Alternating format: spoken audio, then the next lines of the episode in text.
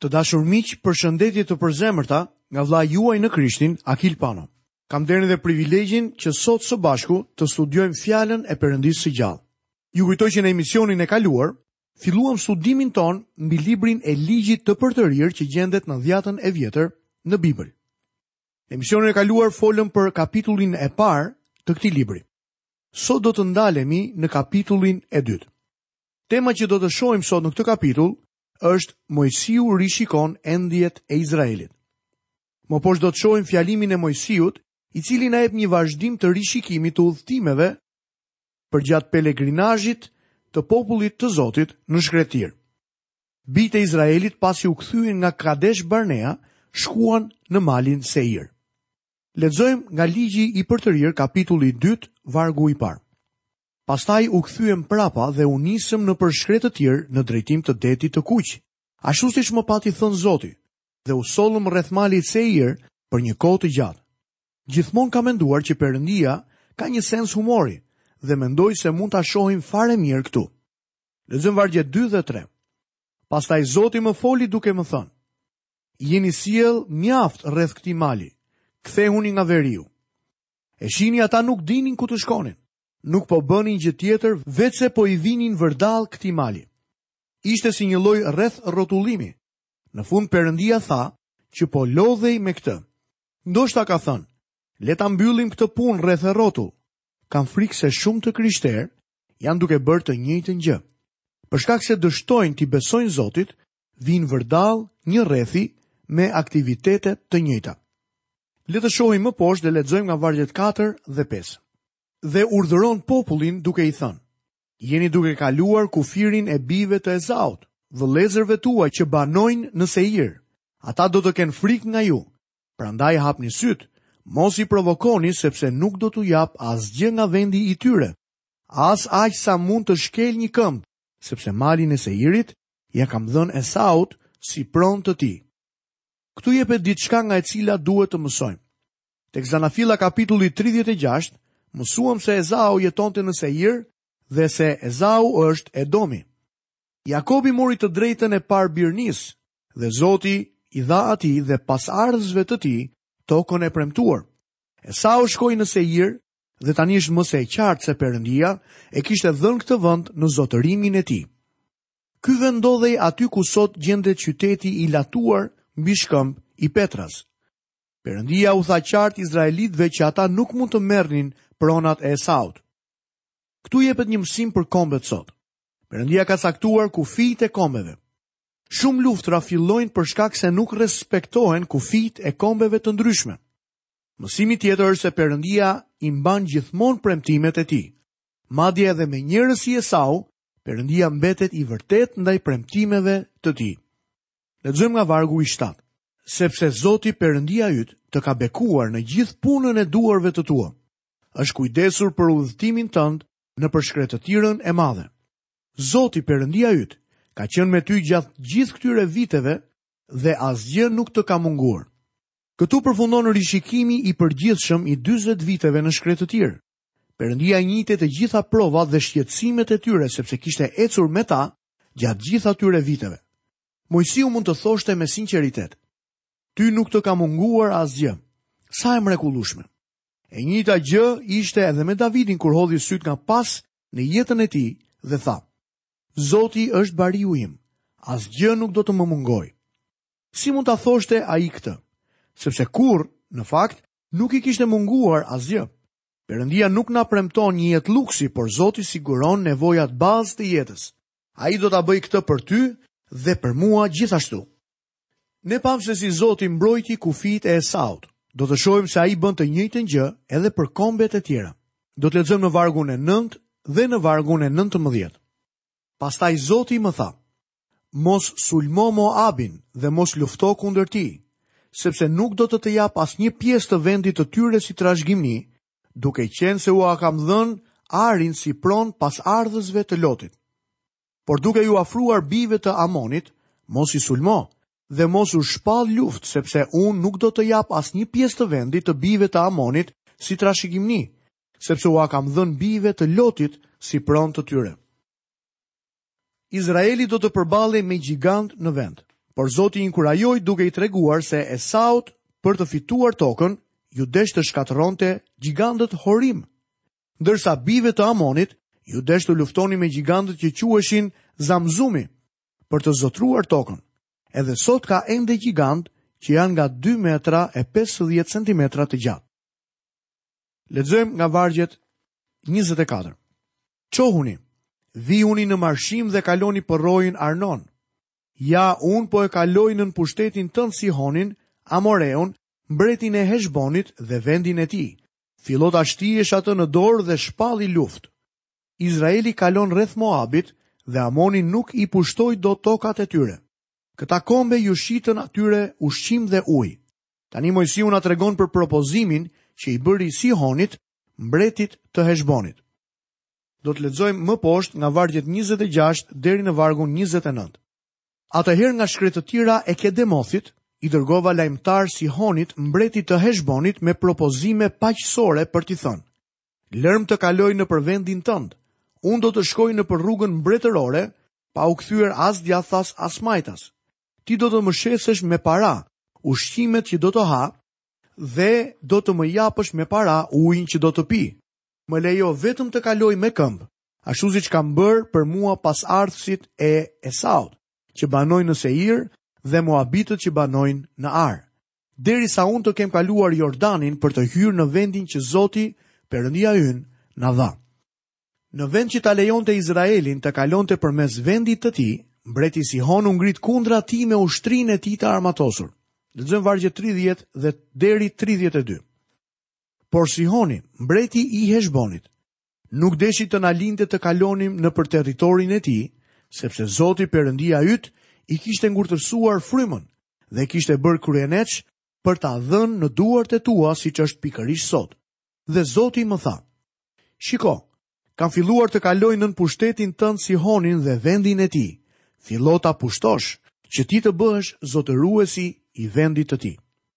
Atëherë Sihoni doli kundër nesh me gjithë njerëzit e tij për t'u ndeshur në Jahats. Perëndia i mbrojti njerëzit e tij nga shkatërrimi. Lexojmë vargun 33. Por Zoti Perëndia ynë na e dha në dorë dhe ne e mundëm atë, bijtë e tij dhe tërë njerëzit e tij. Ky vend që Perëndia lejoi ta pushtonte dhe zotëronte Izraeli, më parë i përkiste Moabitëve. Amorenjtë nën udhëheqjen e mbretit Sihon i kishin nxjerrë Moabitët nga kjo tokë dhe kishin marrë kontroll mbi këtë territor. Perëndia e ndihmoi atë të nxirrte Moabitët prej andej Por kur ai u ngrit kundër Izraelit, u vra dhe forcat e tij u shpërndanë. Pasuritë dhe pronat e tij iu dhanë Izraelit. Ky episod u shërbeu izraelitëve si një kujtesë për atë çfarë Zoti kishte bërë dhe u bë një burim inkurajimi për ta. Perëndia po u tregonte që ishte me ta dhe që do t'i mbante premtimet e tij. Ashtu siç ju e dini, Zoti e bën këtë edhe për shumë prej nesh. Ai na lejon të kemi një përvojë të vështirë, ndoshta dhe të trishtueshme, për të na përgatitur për jetën apo për të na përgatitur që ne të kemi një zemër të gjerë dhe të ndihmojmë të tjerët. Këtu kemi përfunduar studimin tonë mbi kapitullin e dytë të librit Ligji i Përtërirë dhe do të fillojmë kapitullin e tretë të këtij libri ta studiojmë së bashku. Tema që do shqyrtojmë në këtë kapitull është Moisiu rishikon pushtimin nga Izraeli të Bashanit. Duke vazhduar me përsëritjen e përvojave të Izraelit në shkretëtirë, Moisiu na tregon për rezistencën e një mbreti tjetër të amorejve dhe fitoren që i dha Zoti Izraelit. Lexojmë vargun e parë dhe të dytë. Pastaj u kthyem dhe u ngjitëm nëpër rrugën e Bashanit. Dhe Ogu mbreti i Bashanit me gjithë njerëzit e tij na doli kundër për t'u ndeshur në Edrej.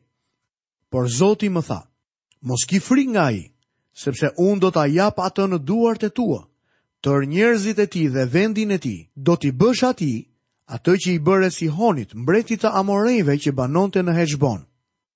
Vini re se si e qetëson Perëndia dhe se si Perëndia flet për situatën e tyre në frikë. Vargu i 3.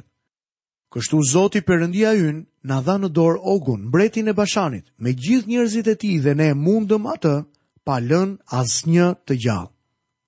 Ogu ishte një nga mbretërit e Amorejve, njeri me një shtat gjigant, mbretëria e të cilit dukej e pathyeshme. Lexojmë vargun e katërt. Në atë kohë pushtuam tërë qytetet e tij.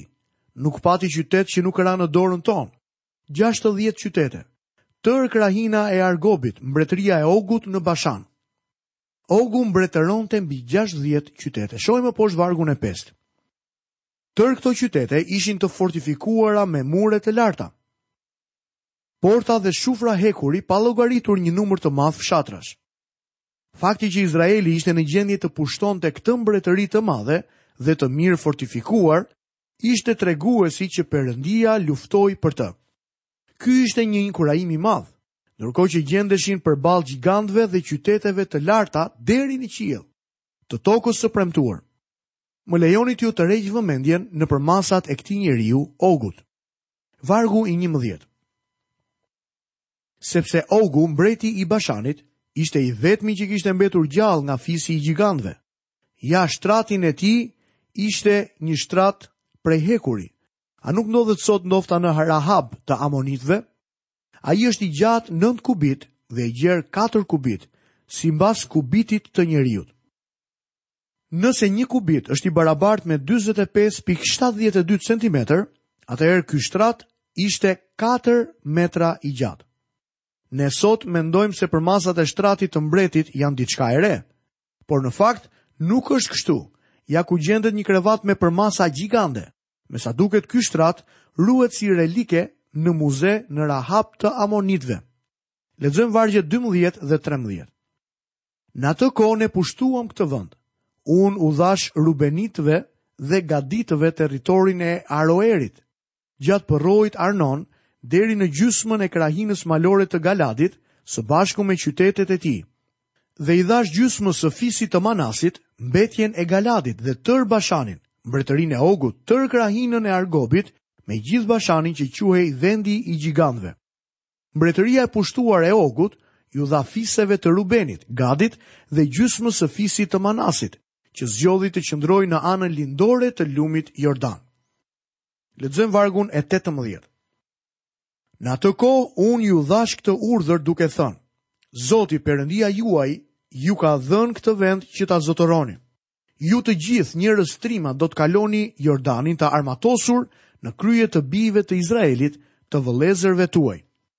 Moisiu u kujton se vendosja në shtëpitë e tyre të reja nuk i çliron aspak nga përgjegjësia që kanë për të ndihmuar fiset e tjera që të pushtojnë tokën në perëndim të lumit Jordan. Lexojmë vargjet 19 dhe 20. Por bashkëshortet tuaja, të vegjlit dhe bagëtia juaj, e di që keni shumë bagëti, do të mbeten në qytetet që ju kam dhënë. Përderisa Zoti t'i lërë vëllezërit tuaj të çlodhen, ashtu siç bëri me juve, dhe të shtien edhe ata në dorë vendin që Zoti Perëndia juaj u jep atyre matanë Jordanit, pastaj secili ka për t'u kthyer në trashëgiminë që ju dhashë. Tani Moisiu rrëfen përvojën e tij personale me Zotin dhe arsyen pse nuk do të lejohet të hyjë në tokën e premtuar së bashku me ta. Lexojmë nga vargjet 23 deri 26. Le të shohim këtu së bashku lutjen e Moisiut. Në të njëjtën kohë unë iu luta Zotit duke i thënë: O Zot, o Zot, ti ke filluar t'i tregosh shërbëtorit tënd madhështinë tënde dhe dorën e fuqishme që ke, sepse cila është Perëndia në qiell apo në tokë që mund të kryejë vepra dhe mrekulli si ato që bën ti? Prandaj më lër të kaloj Jordanin për të parë vendin e bukur që është matanë tij, krahinën e bukur malore dhe Libanin. Por Zoti u zemërua me mua për shkakun tuaj dhe nuk e plotësoi dëshirën time. Kështu Zoti më tha: Mjaft me kaq, mos më fol më për këtë gjë. Si një prind i mirë, Perëndia është besnik në fjalën e tij. Në fakt ai tha, "Le ta lëmë me kaq Moisi. Nuk dua të dëgjoj më për këtë." Lexojmë vargun e 27. Ngjitu në majën e Pisgahut, hidh sytë nga perëndimi, nga veriu, nga jugu dhe nga lindja, dhe sodit me sytë e tu, sepse ti nuk do ta kalosh këtë Jordan. Zemrat tona bashkohen me Moisiun, ndërkohë që ai i lutet Perëndisë ta lejojë të hyjë në vendin që kishte qenë synimi i tij për dyzet vjet me radhë. Miqtë e mi, ky është një mësim i mirë për ne sot. Edhe pse jemi penduar nga mëkatet tona, na pëlqen apo jo neve, na duhet të vuajmë pasojat e tyre në këtë jetë. Lexojmë më poshtë vargun e 28. Por jepi urdhër Jozueut, përforcoje dhe jepi zemër, sepse ai do ta kalojë Jordanin në krye të këtij populli dhe do ta bëjë Izraelin zot të vendit që ke për të parë. Moisiu po i thoshte qartë këtij brezi të ri që përgatitej të hynte në tokën e premtuar, se Jozueu ishte njeriu i zgjedhur nga Perëndia për t'i udhëhequr më tej. Të dashur miq, këtu kemi mbërritur në fundin e emisionit të sotëm. Falënderoj Perëndinë që kemi qëndruar së bashku përgjatë minutave të këtij emisioni dhe lutja ime për ju sot është që Perëndia të mund t'ju japë frymën e diturisë dhe të zbulesës në njohjen e Krishtit. Ndërsa ne lexojmë dhe studiojmë së bashku, varg pas vargu mbi librin e ligjit të përtërirë, jemi duke parë gabimet, dështimet, rebelimin, por dhe bindjet e popullit të Zotit përgjatë 40 viteve të pelegrinazhit të tyre në shkretirë. Lutem që Perëndia të na ndihmojë që të shohim mbi të kaluarën në jetën tonë në mënyrë që të mos përsërisim të njëjtat gabime që mund të kemi bërë. Lutem që Perëndia të na japë dritë dhe kuptim mbi mënyrën se si ne jemi duke ecur çdo ditë në bindje ndaj Zotit. Perëndia derdhtë bekimet e tij mbi jetën tuaj dhe bëftë fytyrën e tij të shkëlqejë mbi ju. Bashkë mirudëgjofshim në emisionin e ardhshëm.